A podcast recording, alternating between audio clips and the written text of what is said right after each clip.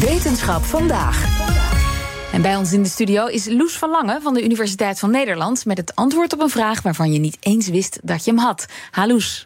Hoi. Welke vraag gaan we beantwoorden? Ja, de vraag: waarom klopt jouw sterrenbeeld eigenlijk niet? Ik heb geen idee. Ja. Wanneer ben je jarig? Uh, eind mei. Dan ben ik Ja, tweeling. Ja, je bent dus tweeling. En dan moet ik heel even spieken hoor. Eind mei, hoeveel mei precies? 23. 23 mei. Ja, dat betekent dat jij eigenlijk waarschijnlijk een stier bent. Wat? Dus Ja. ik heb altijd de verkeerde bedeltjes aan mijn kinderarmband gehad en de verkeerde horoscoop gelezen. Ja, dat kan klopt. Nou, ja, dat is eigenlijk ehm, nooit. Ja, het is natuurlijk nooit wetenschappelijk bewezen dat er ook iets is van Nee. dat je sterrenbeeld iets zegt Dat over ik, ja. eh, nou ja, eh, het lot van de mensen op aarde. Maar eh, de sterrenbeelden bij geboorte zijn wel gebaseerd op de stand van de sterren. En die sterrenbeelden die zijn ooit 3000 jaar geleden door de Babyloniërs in Iran in kaart gebracht. Zo vertelt Annelotte Der Derking, sterrenkundige aan de Universiteit van Amsterdam. Zij keek omhoog naar de sterren en zeker toen, zonder de lichtvervuiling die we nu hebben, kon je de sterrenhemel natuurlijk ontzettend goed zien.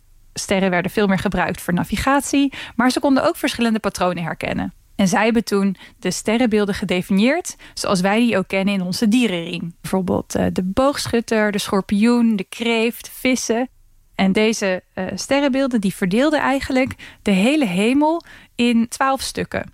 Ja, dus zie je dan alle twaalf sterrenbeelden aan de hemel s'avonds? Nee, niet alle sterrenbeelden die zijn in, niet in één avond te zien. Eigenlijk zien we grofweg elke maand één ander sterrenbeeld aan de hemel staan. Dus gedurende één jaar zie je dus twaalf sterrenbeelden. En als je ze alle twaalf gezien hebt, ja, dan is het jaar voorbij. En dat is dus het sterrenjaar. Nou, en die Babyloniërs die gaven dus als een kind geboren werd een sterrenteken mee, het sterrenbeeld. En wij doen dat dus eigenlijk 3000 jaar later nog steeds Ja. in navolging van die Babyloniërs. Nou, terwijl dus eigenlijk niet de sterrenbeelden aan de hemel staan op het moment dat jij wordt geboren, die jij daadwerkelijk hebt. En dat komt omdat onze eigen kalender, die we nu gebruiken, niet gebaseerd is op de sterren, maar op de winter, zomer, lente en herfst, dus op de seizoenen. En eh, die kalender die loopt eigenlijk af als alle vier de seizoenen zijn geweest. Dan is er een jaar voorbij. Alleen, en nu komt het, die kalender duurt dus net iets korter dan het jaar als je enkel kijkt naar de sterren die aan de hemel staan. Dus de kalender van de Babyloniërs die is eigenlijk iets langer. En het jaar volgens de seizoenen is, om precies te zijn, 20 minuten en 25 seconden korter dan als we naar het jaar in de sterren kijken. Oké, Ja. 20 minuten. Ja, en dan ja. denk je misschien, hè, 20 minuten, hoe erg kan dat zijn? Nou, op een jaar niet, is dat niet zo erg. Nee, maar die kalender bedachten ze natuurlijk 3000 jaar geleden. Dus eh, daar zit de crux. Ja, als je 3000 keer 20 minuten en 25 seconden doet, dan zit je op bijna een maand volgens Derkink. Dan zitten we al bijna op een maand, wat eigenlijk die sterrenhemel is verschoven. En dus zijn die sterrenbeelden ook een maand opgeschoven dan hoe die Babyloniërs dat ooit hebben gedefinieerd.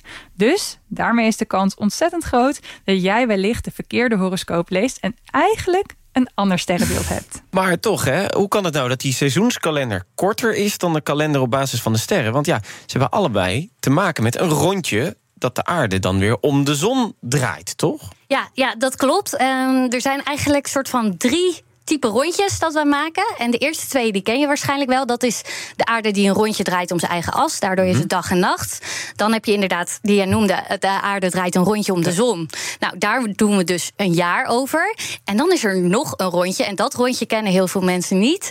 En eh, die is ook belangrijk voor het verschil in kalenders. De aarde maakt namelijk ook nog een soort tolbeweging.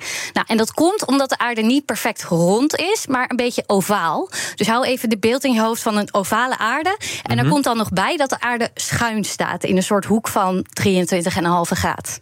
De zon die trekt voortdurend met zwaartekracht aan de aarde. Die zwaartekracht die trekt ook net een beetje harder aan het gedeelte van de aarde wat dichterbij staat. En als die aarde ovaal is, dan kan die aan één kant net een beetje harder trekken dan aan de andere kant.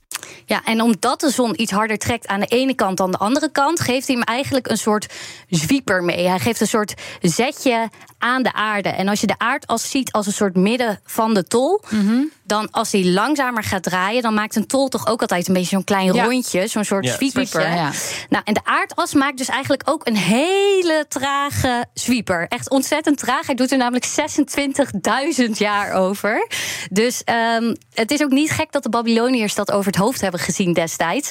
Maar dat tolrondje zorgt er dus wel voor dat het seizoensjaar 20 minuten korter duurt. Oké, dus doordat de aarde eigenlijk ovaal is, maakt hij die tolbeweging. En hebben we dus niet het sterrenbeeld dat we dachten. Ja, dat is eigenlijk de reden dat je sterrenbeeld niet meer klopt. En uh, perfect rond is die tol. Ja, perfect rond, dan hadden we dus niet die tolbeweging gehad. Dus als de aarde wel perfect rond was geweest. Um, inmiddels hebben we dus 3000 jaar gehad sinds die kalender van de Babyloniërs. dus als we even wachten, dan is mijn sterrenbeeld toch gewoon weer goed, toch? Precies. Nou, als jij nog 23.000 jaar geduld oh, hebt. maar ik heb geduld. ja, dan zijn alle 12 sterrenbeelden weer helemaal doorgeschoven. En dan lopen we als het goed is wel weer sync met de Babyloniërs. Maar dit is schokkend nieuws voor alle horoscooprubrieken in al die bladen. Ja, Precies. niet? Want het maakt toch niet uit. Want die waren zo op feiten gebaseerd ik wou, natuurlijk. Uh. ik wou net zeggen, het maakt niet uit. Uh, als je blind leest, uh, denk je ook dat die op jou van toepassing is. Dankjewel, Loes van Lange van de Universiteit van Nederland.